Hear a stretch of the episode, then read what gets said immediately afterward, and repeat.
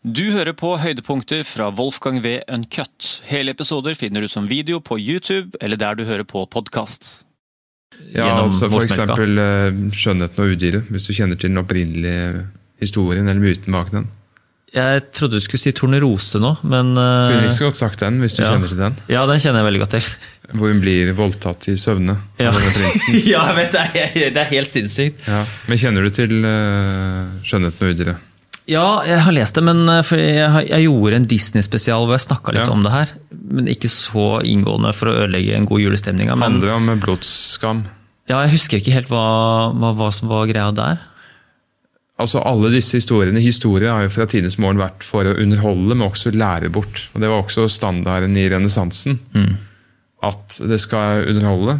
eh, Og da må man jo ha en gjenkjennelse. Det må være, For underholdning kommer fra gjenkjennelse. Hvis du ikke gjenkjenner noe, så morer du deg ikke. Det er grunnen til at folk syns det er morsommere å se på europeiske dramaer enn kinesiske. Hvorfor skal vi se på disse smaløyde menneskene gjøre alle disse rare tingene? ikke sant? Det er så fjernt. Men så skal man helst lære noe fra det også, så at det ikke blir tomme kalorier. Eh, Og 'Skjønnheten og udyret' handler jo om eh, en jente som har et ufriskt eh, Hun har et litt for godt forhold til sin far.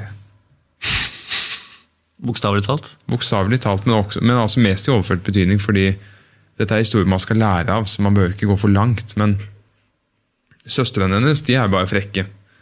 Eh, men de er friske på en måte, fordi de, de er ikke for nær sin far. Eh, så selvfølgelig den eh, underliggende beskjeden i, i verket verket er jo at hun har et så nært forhold til sin far at andre menn virker som uhyrer. Det er jo det som er beskjeden her. Og hun må omsider Hun blir fanget av dette uhyret. Og hun må omsider det når et klimaks. Hun må velge mellom far og uhyre. Far blir syk. Uhyret er syk. Hvem går hun til?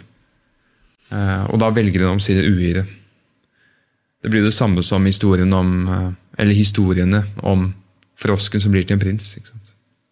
Jeg skjønner. Dette der har jeg helt glemt. Dette. Men det er, jeg fikk litt gåsehud nå, faktisk. Det er, eh, den er god, altså. Og, og Tornerosa, så er det jo det er et gammelt folkeeventyr som har gått i tre forskjellige versjoner. Det jeg husker, i alle fall, det er jo at hun ligger og sover. For hun har jo fått denne giften, eller hva det er for noe. Så kommer prinsen opp til tårnet, eh, og så er han sammen med henne mens hun sover. En sånn type sovevoldtekt, som folk ville kalt det i dag. Og så eh, føder hun barnet ni måneder senere. Barnet kommer ut, og de suger ut giften av henne. Ja, den versjonen har ikke jeg hørt. Nei, ok. Men det er, det er, det er, jeg vet jo at det finnes litt forskjellige versjoner. Eh, og de, har, de bærer litt forskjellig mening. I dette tilfellet så er beskjeden at eh, barnet vil vekke deg til live på en slags måte. Eh, det, og det, og det, alle disse forsøker jo å fortelle universelle sannheter. Jeg hører jo det fra mennesker også at, som sier som har fått barn, at ja, jeg har så lite tid etter jeg har fått barn, men jeg føler meg mer våken og mer til stede enn noensinne. Mm. Så, så det er jo selvfølgelig den viktigste årsaken til historie. Det er på en måte en sånn utdanning som går på, som går på tvers av våre alminnelige utdanningsinstitusjoner. Det at vi har historie vi kan gå rundt og fortelle hverandre og lære av. Ja, det er helt riktig. Nå, nå googla jeg det mens du sa det her. og det, Jeg lurer på om jeg, jeg forveksler det her med en helt annen film nå. om eh, Men det, det er helt riktig som du sier her. Hun blir gravid. Ja, Prinsen forelsker seg i den sovende prinsessen, har sex med henne, altså mens hun sover. Hun blir gravid, føder tvillinger i søvne. Et av barna suger på fingeren hennes, noe som fjerner giften som fikk henne til å sove, og dermed våkner hun. Ehm, men det, det, det er jo den her med mm, Den skjønne havfruen òg. H.C. Andersen.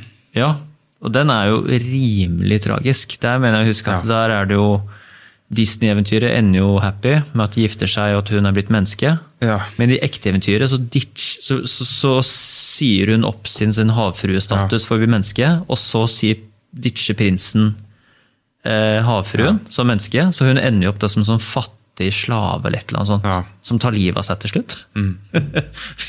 altså, det, det, er, altså, det er jo Det er mørkt. Ja, eh, jeg setter pris på begge versjonene, jeg. Ja. Både Disney og denne, men, denne, men disse opprinnelige versjonene det er så mye mer å lære av dem. Ja, det er jo det. Eh, disse, disse versjonene, hva er det man kan lære av dem ved siden av underholdningsverdien? Det er vel at alt går bra til slutt, men hva slags lærdom er det? da? Men det, det, er jo, det er jo litt finurlig at Disney faktisk greier å skape et eventyr med en happy ending som også for et, både barnesinn og for voksensinn eh, føles Du blir tilfreds av å se disse Disney-historiene også. Altså det, det, er jo en, det gir deg en god følelse, eh, og det er god historiefortelling. og de, de, de greier å lande eventyret på en måte som at man kjøper hele historien også. Det er jo ikke, det er ikke dårlig historiefortelling eller dårlige filmer på noen som helst måte.